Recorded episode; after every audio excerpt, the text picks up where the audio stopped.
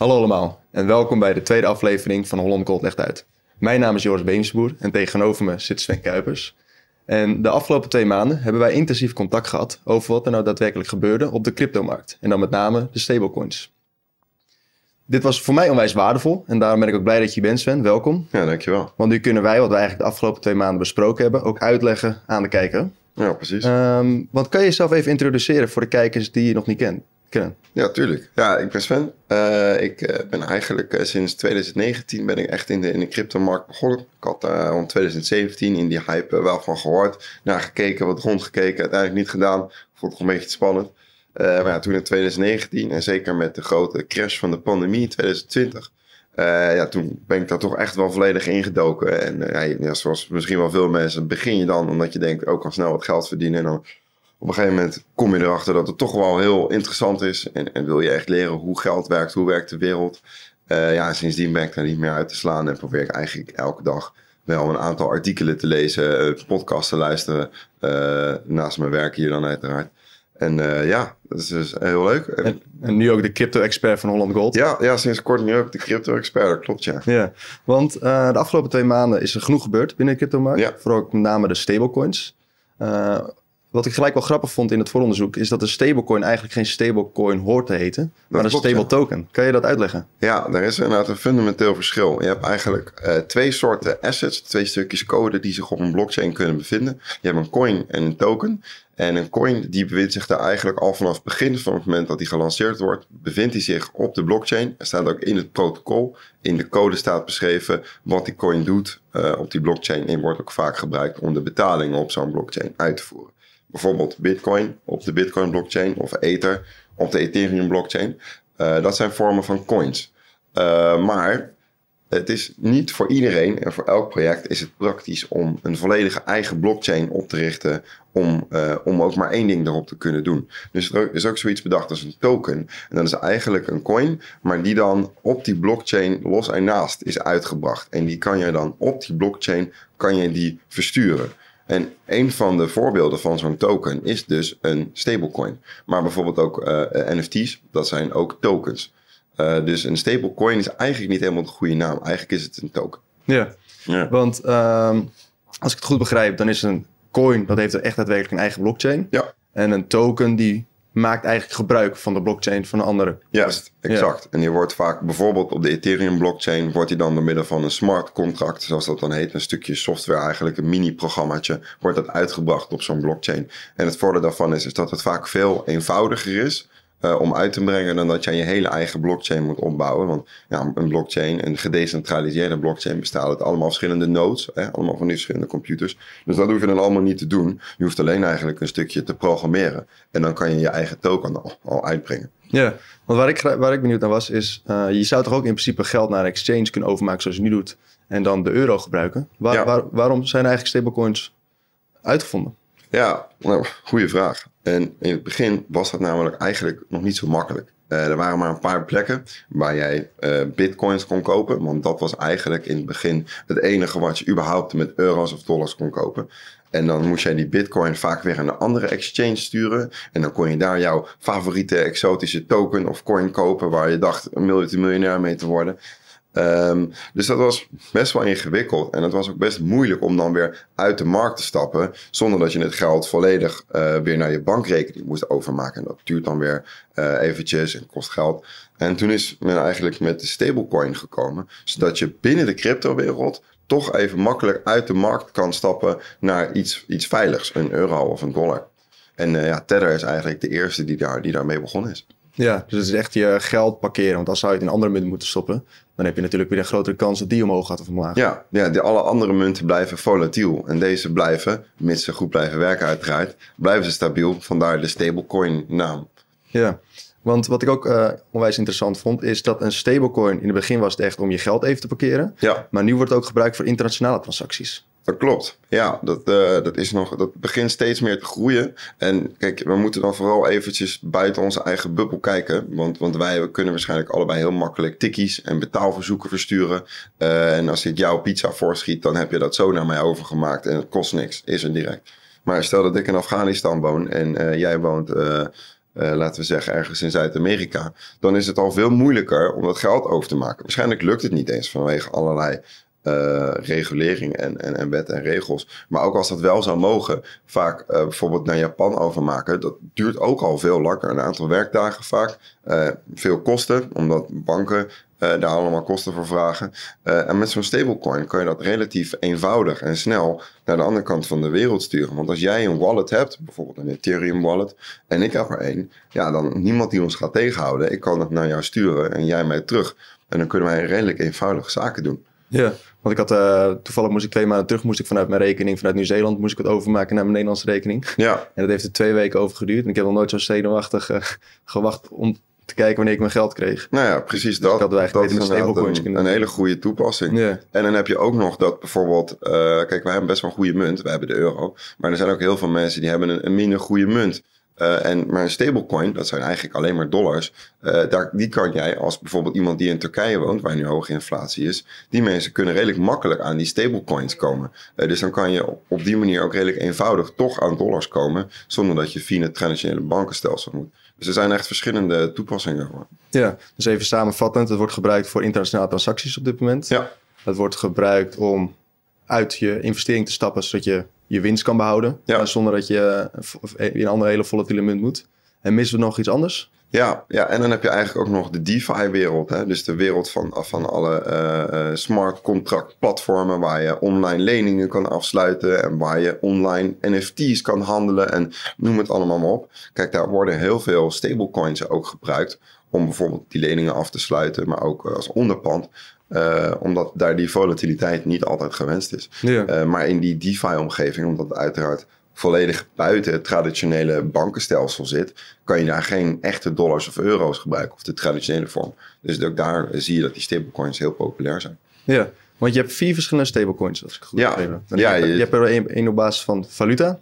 Ja. Je hebt er op basis van grondstoffen, zoals goud en zilver. Ja, Uh, je hebt er één op basis van cryptocurrencies en op algoritmes. ja. Kan je ze kort toelichten? Ja, je zou ze inderdaad in, in vier categorieën kunnen indelen. De eerste, zoals jij noemt, dat zijn eigenlijk de meest bekende. De, de fiat eh, ondersteunde stablecoins. En wat ze eigenlijk doen, is eh, stel ik ben zo'n uitgever, dan eh, geef ik jou 100 euro of dollar aan tokens. Jij geeft mij dat geld terug. Dan kan jij vervolgens met die tokens in de cryptowereld gaan handelen. het in zo'n platform zetten om daar iets mee te doen. Uh, en als je dan op een gegeven moment daar weer uit wil, je wil je echte dollars of euro's terug, dan kom je bij mij met die tokens en dan geef ik ze jou weer terug. Nou, en dat, dat aanhouden van die euro's of dollars van jou, dat is dan eigenlijk het onderpand. Wat garandeert dat jij jouw echte euro's of dollars ook weer waard krijgt. Ja. En op die manier houdt hij dus ook zijn waarde van een euro of een dollar. Ja. En dan komen we bij de tweede. De stablecoin, die gebaseerd is op grondstoffen. Ja. Ja, dat is eigenlijk hetzelfde. Uh, alleen in plaats van dat zij dan dus uh, fiat geld aanhouden, uh, door middel van obligaties of zo, houden zij fysiek goud of zilver in een, in een kluis aan. Bijvoorbeeld in het geval van de goud gebekte stablecoin. En wat zij dan doen is dan geef ik jou zo'n token en in ruil daarvoor hou ik bijvoorbeeld een troy ounce goud aan. En dat garandeert dan dat die token van jou de, de waarde heeft van een troy ounce goud op dat moment. Ja, en de derde die is op basis van cryptocurrencies. Ja. En wat ik daar leuk, wat, wat ik daar interessant aan vond, is dat uh, die niet, die is ook gedekt, Mhm. maar juist voor een hoger percentage dan daadwerkelijk de één op één dekking van de grondstoffen, stablecoins en de fiat geld stablecoins. Ja. ja, dat klopt. Want wat er dan vaak gebeurt is, dan hebben ze eigenlijk een mandje van, van stablecoins uh, die dan uh, die stablecoin moeten dekken. Alleen ja, zoals jij en ik weten, er is één ding wat over crypto bekend is. is dat het heel volatiel is. Ja. Dat het flink omhoog en omlaag kan gaan. Uh, en dus wat zij dan doen is zorgen dat ze meer onderpand hebben dan dat de stablecoin dit al zou moeten hebben. Zodat ook als bijvoorbeeld crypto flink in waarde zakt, er altijd genoeg onderpand is. de bekendste daarvan is bijvoorbeeld DAI. Uh, die wordt veel gebruikt in, in, in allerlei DeFi-platformen. Ja, en dan komen we bij de laatste aan. De eerste drie die zijn dus echt één op één gedekt, of zelfs al meer gedekt. Ja, uh, die hebben een onderpand. Die hebben een onderpand. Ja. En de vierde, daar is het laatst ook meest, daar is ook het meest over gesproken de afgelopen twee maanden. Ja. Met Terra en Luna. met Luna USD, excuses. Um, die is gedekt door een algoritme. Ja. Ja, wat, ze eigenlijk hebben bedacht van ja, als je zo'n eh, stablecoin hebt die gedekt is door onderpand, dan is dat altijd op een bepaalde manier gecentraliseerd. Want er is een partij die die coins moet uitgeven en het onderpand moet aanhouden. Nou, dat wil je niet met DeFi, Decentralized Finance. Dus wat had iemand bedacht? Wat nou als we een algoritme gebruiken om die stablecoin zichzelf te laten balanceren? En dat is dus wat er ook gebeurd is. Ze hebben uh, de UST stablecoin uitgebracht op de Terra blockchain. Uh, en hebben uh, ja, op basis van een, een soort ja, algoritme hebben ze dat met de Luna coin laten balanceren rond de 1 dollar. Ja. En dat, dat werkt dan op basis van arbitrage. Ja. En voordat we daarop doorgaan, wat daarmee gebeurt, wil ik denk ik dat het handig is als we eerst arbitrage uitleggen. Ja. Uh, kan je dat uitleggen? Ja, dat is uh, denk ik voor de mensen die niet weten hoe dat werkt. is denk ik even handig omdat we dat met een voorbeeld uitleggen. Stel, jij hebt een tomatenkraam en ik heb een tomatenkraam. En jij zit in jouw dorp en ik zit in mijn dorp. En in mijn dorp is heel veel vraag naar tomaten. En daardoor worden de tomaten in mijn dorp voor 1,50 euro per stuk verkocht. Maar bij jou wil bijna niemand ze hebben, dus bij jou kosten ze maar 50 cent. Nou, er zit een prijsverschil van een euro tussen die tomaten. Dat is best veel. Ja. Uh, nou, wat zou een rationele marktparticipant dan doen? Hè? Iemand die gewoon handelt in zijn, zijn eigen voordeel. Die zou zeggen, nou, ik ga ze kopen waar ze goedkoop zijn bij jou. En dan rij ik met mijn autootje naar mijn dorp toe. En daar ga ik ze verkopen voor 1,50. En dan maak ik die 1 euro winst per tomaat. Nou, dat is eigenlijk wat arbitrage is. Want wat er dan gebeurt, in jouw dorp is er opeens wel meer vraag door die mensen van de arbitrage. Dus bij jou gaat de prijs van de tomaten omhoog. En bij mij zijn er opeens veel meer tomaten, waardoor de prijs gaat zakken. Waardoor uiteindelijk die prijs weer teruggaat naar 1 euro per tomaat, gemiddeld gezien. Nou, dat is arbitrage en dat is eigenlijk wat die munt gebruikt. Maar dan is het niet met goedkope en dure tomaten, maar is het dat de stablecoin boven de 1 dollar zak of onder de 1 dollar zak. Ja, en dit was ook een van de, Achilles, de Achilleshiel van de UST en Luna. Ja.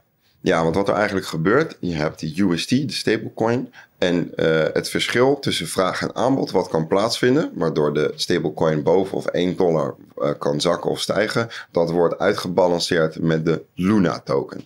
En wat er eigenlijk gebeurt, is als de UST boven de 1 dollar komt, dan maakt het mechanisme het aantrekkelijk voor mensen om die uh, te minten, dus aan te maken door hun Luna in dat protocol te stoppen, waardoor zij UST hebben. En die kunnen ze dan boven de marktwaarde, dus bijvoorbeeld voor 1,10 dollar, verkopen. Maken ze winst. Eh, andersom geldt dat ook als de UST onder de marktwaarde zakt, dus van die 1 dollar, dan kunnen ze via dat mechanisme eerst die UST heel goedkoop kopen, want hij is minder dan een dollar waard, en vervolgens via dat mechanisme wel op die 1 dollar weer verkopen. Dus maken ze ook winst. Dus eigenlijk gaan ze ervan uit dat marktparticipanten winst willen maken via dat mechanisme. En als zij dat maar goed genoeg doen, dan blijft um, dat die dollar, dus die stablecoin, precies op 1 dollar. Ja. Alleen de grote. Dat is van een stablecoin. Precies, ja. En dat, dat werkte voor een tijdje ook wel. Alleen het Achilleshiel van, van het protocol is, is dat als heel veel mensen uit die stablecoin willen stappen, die UST, dan wordt al die verkoopdruk, die wordt op die Luna token afgewikkeld. Uh, en op een gegeven moment, wat er kan gebeuren, is dat er zoveel Luna is verkocht, dat de totale waarde Luna minder waard is dan de totale waarde van de UST stablecoin. Dus dan valt de dekking weg als Precies, waardoor de dekking wegvalt. En dat is uiteindelijk wat is gebeurd. Uh, en daardoor is die stablecoin ingezakt. Ja, maar toch zagen ze het al van tevoren aankomen. Want twee, drie maanden van tevoren ja. hebben zij ook bitcoin aangekocht. Klopt. Als extra reserve. Ja, wat, ja. Waarom deden ze dat? Ja, nou dat is dus eigenlijk, hebben ze dat bedacht als een soort extra buffer. Inderdaad, van dat ze zagen zag van ja, als die, als die Luna nou heel erg gaat zakken in waarde, er wordt te veel verkocht.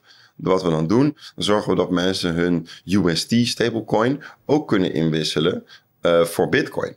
Uh, en dan, dat is een soort van extra buffer. En dan hopen we dat daarmee dat die, al die verkoopdruk door die stapel bitcoin kan worden opgevangen. Waardoor ons uh, stablecoin protocol ja, weer terug gaat naar die 1 dollar en weer zijn balans terugvindt. Alleen, ja, dat bleek niet genoeg te zijn. Uh, de, de, de stablecoin bleek niet robuust genoeg te zijn voor, voor, de, voor de marktomstandigheden en is uiteindelijk ingestort. Ja. En uh, ja, ik denk dat dat voorlopig ook wel het einde is van, van populaire algoritmische stablecoins, uh, voordat daar iets beters op is bedacht. Ja, ja. want wat je, wat je daarna zag, is toen dit allemaal plaatsvond, zag je dat er ook gelijk werd gekeken naar Tether. Ja, dat is ook een veelbesproken stablecoin. Ja. Uh, kan je uitleggen, kan je uitleggen waarom uh, er ook nu één keer is over vraag, waarom Tether op dit moment, waarom heel veel mensen ook gingen kijken naar Tether op een gegeven moment? Ja. Want je zag dat, uh, vergeleken, want je hebt ook verschillende andere stablecoins, USDC, ja. en die zijn veel beter gedekt. Ja. Ja, waar we het dus net even over hadden, dat is zo'n algoritmische stablecoin zonder onderpand. En USDT van Tether of USDC van Circle, dat zijn wel stablecoins met zo'n onderpand. Dus Ja. door zo'n centraal bedrijf wordt uitgegeven. En wat je inderdaad zag, is dat om eigenlijk de hele markt in paniek was, door die crash van UST, van Luna, eh, dat mensen ook in paniek naar andere zaken gingen kijken, waaronder dus Tether. En wat eigenlijk het probleem is van Tether, is dat hun onderpand niet zo heel goed is. Zeker vergeleken met andere stablecoins. En wat gaan mensen doen als ze in paniek zijn? Dan gaan ze naar veiligheid. En dus gingen mensen massaal uit de USDT en gingen ze bijvoorbeeld naar USDC of naar echte dollars vluchten. Om maar te zorgen dat ze zeker wisten dat ze al hun dollars nog hadden. Uh, en omdat dat zo massaal gebeurde, zag je dat ook de USDT even tijdelijk onder zijn 1 dollar zakte. Ja, en dan komt ook het mooie, wat ik eraan vond, is dat ook vrije marktwerking ontstond. Ja. Dus de Tether, het marktaandeel van Tether ging omlaag. En die van USDC. Uh, en de andere stablecoin Paxos, Ja. ik dat begrepen? Ja, ja, Paxos geeft een stablecoin Ja. uit Binance USD. Binance en dat USD. is een andere bekende, Ja. veelgebruikte stablecoin. En hun marktaandeel groeide. ja. Ja. Dat was dan wel weer mooi om te zien. Want we hebben ook twee de balansen bij. ja, want dat wat- klopt, ja. Hoe zorgen die stablecoins op basis van fiat geld er nou voor dat zij ook daadwerkelijk het, het geld hebben? Houden ze een bankrekening aan waar dan 1 miljard, stable, eh, 1 miljard dollar op staat en 1 miljard stablecoins die worden uitgegeven? ja. Of gebruiken ze er andere middelen voor? Voor een klein deel wel. Voor een klein deel houden ze het op een bankrekening aan. Dat is eigenlijk het stukje wat ze heel snel kunnen inwisselen. Maar voor een groot deel gaan ze daar eigenlijk schulden van anderen van opkopen. En wat je eigenlijk doet, als je een schuld van een ander opkoopt, dan krijg je rente over jouw geld. Dat is eigenlijk wat je daarmee doet. Eh, want je leent het geld aan een ander uit. Eh, en ruil daarvoor krijg je rente. En dat is hoe dat soort bedrijven ook hun winst maken. Want in principe is het voor de rest alleen heen en weer wisselen. Daar verdienen zij niks op. Uh, en wat je dus ziet, dat is sowieso al, veel langer een trend, is dat uh, de, de stablecoins door steeds beter onderpand gedekt worden. In het begin, bijvoorbeeld, de, de oudste audit van Tether. Daar zie je bijvoorbeeld dat het, er een heel groot aandeel van commercial paper is. en ook corporate bonds. En dat zijn dus eigenlijk allemaal leningen aan bedrijven. Nou, en bedrijven kunnen failliet gaan. En als ze failliet gaan, dan is die, die, die obligatie, die, die lening aan het bedrijf, is opeens niks meer waard. Dan ben je kwijt. En dat zou betekenen dat hun dekking zou zakken. Misschien wel onder het aantal stablecoins wat ze uit hebben staan. Dus dat is risicovol. Tegelijkertijd zie je dat bijvoorbeeld Circle dat uh, minder doet. Die heeft veel meer uh, bijvoorbeeld staatsobligaties van de Verenigde Staten. US ja. Treasuries noemen we dat dan. Um, en die worden gezien als extreem veilig. Ook wel de, de risk-free rate genoemd. Dus de, de, het stukje rendement wat je sowieso kan halen zonder risico te lopen. Uh, in het begin, toen Tether eigenlijk de enige grote was, toen gaven ze überhaupt niet dit soort rapporten van wat zij als onderpand hebben. Maar je ziet nu er dus concurrentie is en ook door, door allerlei regelgeving en, en druk op Tether worden zij gedwongen om sowieso die audits te laten doen, dat mensen kunnen zien waardoor ze gedekt zijn. En je ziet dat ze steeds veiliger onderpand gaan, gaan aannemen. En ook onderpand dat veel meer liquide is. Ja. Want, want wat gebeurt er als jij uh, iets hebt aangekocht en jij wil daar heel veel van verkopen, terwijl de markt niet zo breed is, niet zo diep is, dan kan jij de prijs beïnvloeden. En dat wil je niet, want dan gaat door jouw eigen verkoop druk gaat de prijs omlaag. Dat wil je niet. Nou, bijvoorbeeld de US Treasury Market is heel liquide. En eigenlijk kan je er nagenoeg, in ieder geval voor dit soort bedrijven, oneindig veel verkopen op doen zonder dat dat de prijs beïnvloedt. Dus daarom zijn die US Treasuries wordt gezien als veel beter onderpand. En dat is dan ook de trend. Bijvoorbeeld uh, Circle, dus de USDC, die is volledig gedekt door cash en cash equivalents. En dat zijn bijna alleen maar de US Treasuries. Terwijl bij Tether, dat... Mijn excuus. Ook al is dat minder, uh, zie je dat zij nog steeds wel voor een groot deel nog door die corporate bonds en, en, en uh, commercial papers zijn gedekt. En uh, ja, je ziet de trend dus verschuiven naar beter en, en veiliger onderpand. Ja, dus als we heel veel de balansen bijhalen, dan, wat, wat is dan op de balans van Tether die, we nu, die nu ook in beeld wordt gebracht? Ja. Uh, wat zijn de veilige? Ja, nee, kijk, steeds, eh, kijk, cash en cash equivalents, dat zijn eigenlijk de, de onderdelen die, die ook uh, liquide zijn, die ze snel Ja. kunnen inwisselen. Nou, de cash en bank deposits, dat zijn uiteraard degene die ze nou, direct zouden kunnen overmaken bijvoorbeeld. Maar ook bijvoorbeeld de treasury bills en de money market funds. Nou, dat wordt eigenlijk gezien als iets heel liquide wat je direct kan inwisselen. Ehm, en die komen dan in totaal ook op 70 miljard uit. Maar bijvoorbeeld de secured loans, de corporate bonds en other investments, wat dat dan ook mag zijn. Ehm, ja, dat is natuurlijk veel minder bekend en ook veel eh, ja, mogelijk risicovoller. Maar je ziet ook als je dat vergelijkt met die van 30 juni 2021 eh, en dan de nieuwste 31 maart 2022, zie je ook dat percentagegewijs het percentage met treasury bills veel groter is geworden eh, in deze audit. Wat betekent dat, ze- dat ze Ja. steeds beter gedekt worden. Wat, wat een beter onderpand is. Ja, met als de oorzaak is hiervan de vrije marktwerking niet plaatsvindt. Ja. Dat steeds meer geld uit tether gaat. Ja, Zo, omdat de, de USDC, oftewel de circle die eh, de balans dat je net zag, eh, steeds, eh, die is wel volledig gedekt. ja ze worden zowel Door door, marktwerking als door regelgeving worden ze gedwongen om beter onderpand aan te houden. Ja, ja duidelijk. Ehm, en dan wat je nu ziet, omdat stablecoins een steeds belangrijke rol beginnen te krijgen, eh, ook binnen het, eh, binnen het financiële verkeer, Mhm. is dat er ook regelgeving komt. Ja. ja, dat klopt. Z- Hoe ziet de toekomst eruit voor stablecoins? Is het iets wat we over een paar jaar, net zoals cash misschien, uit, uit het financiële systeem gaat? Of is het een blijvertje? Ik denk dat je de algehele grote trend zou kunnen beschouwen als het Wilde Westen wordt wat minder wild. Eh, zeker eh, in, in het begin, eh, dus van voor 2018, ja, was eigenlijk geen regelgeving en alles kon je doen. Dat had je nu, bijvoorbeeld in 2017 had je heel veel van die ICO's. Dus dan zeiden ze eigenlijk, we gaan dit doen. Wij geven een hoop tokens, geven ons geld. Nou, dat was eigenlijk gewoon een, ja, een manier, een ongereguleerde manier van geld ophalen. En je ziet dat eigenlijk alles, en dus ook bij stablecoins, dat er steeds meer regulering en controle komt. Dat is eigenlijk de algehele trend. Eh, en dat is nu bijvoorbeeld door, door dat instorten van USD's zijn regelgevers echt wel weer even wakker geschrokken. En zie je ook van ja, van daar moeten wij wat mee. Eh, want dit kan eventueel ook, als dit nog groter is, de volgende keer ook echt het traditionele financiële systeem pijn doen.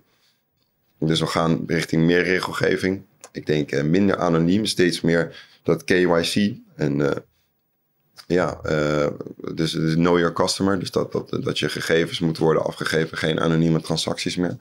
Eh, en je ziet dat allerlei, in ieder geval in het Westen vooral, dat daar steeds meer grote regelgeving afkomt op, op crypto. Ja, zoals de MICAR en de stable... Nu MICAR, die, die is van Europa. Ja, En de Stablecoin Trust Act, die is in Ja. Amerika. Ja, in, in Europa lopen ze op dit moment een beetje voor op het gebied van crypto-regulering. Er zijn heel veel discussies over of dat nou misschien te streng of juist niet is. Uh, maar bijvoorbeeld in de Verenigde Staten hebben ze dus ook echt een specifieke uh, stablecoin-wet. En dat eigenlijk is dat best wel uniek, want zij maken als eerste echt groot belangrijke land stablecoins dus ook echt uh, legitiem. En gaan ze ook echt reguleren. Uh, en je zal dus ook zien in die regulering, daar gaat ook komen te staan. Um, dat, dat ze bij welk onderpand ze moeten aanhouden. Wat, wat hun inwisselbeleid is. Uh, dat, dat soort zaken. dus je zal ook zien dat doordat ze de regulering worden, stablecoins ook steeds meer verplicht. Uh, ze kunnen niet meer dat soort loesje praktijken doen als Tether in het begin deed. Dat kan namelijk gewoon niet meer. Ja. En zijn er nog andere punten die we over stablecoins moeten bespreken? Uh, nou, je ziet ook dat, dat, uh, dat de FATF, dus de Financial uh, Action Task Force, die, die, die begint ook allerlei regulering uit te brengen. En je ziet ook dat, dat centrale banken, zoals ik het ook zie, echt wel een beetje zenuwachtig beginnen te worden. Omdat die stablecoins ja, toch wel een vorm van concurrentie zijn voor hun central bank digital currency. Dus op die manier zie je toch wel dat, dat uh, ook daardoor dat centrale banken worden gedwongen om, om daaraan te werken. Omdat anders die stablecoins de hele markt gaan overnemen. Ja. Of in ieder geval, het is nog steeds aan het groeien. Want een van de dingen is central bank digital currencies, die, die kun je, kan, dat kan je ook programmeren. Ja. Wat, uh, is dat ook niet een gevaar voor stablecoins? Op een gegeven moment dat je, als je het, zou je het wel, als zou het central, central bank digital currencies wel kunnen, dus laten we de digitale euro kunnen programmeren, ja. dat je geen geld meer via stablecoins kan inwisselen. Is dat ook een gevaar ja. voor de stablecoin-markt? Ja, zeker. Nou, dat is natuurlijk een van de meest gebruikte uh, kritiekpunten op, uh, op, op crypto. Van ja, als, als overheden er echt klaar mee zijn, dan verbieden ze het gewoon. En dat zouden ze natuurlijk ook heel goed kunnen doen. Uh, want via de, de, exchanges waar je uit de stablecoins kan stappen, weer terug naar, naar je traditionele euro's of dollars. Ja, dat zouden ze allemaal kunnen verbieden. Sowieso kunnen die, um, uh, die uitgevers van die tokens ook tokens bevriezen. Als ze daar worden gedwongen door bijvoorbeeld wetgevers of, of uh, justitie.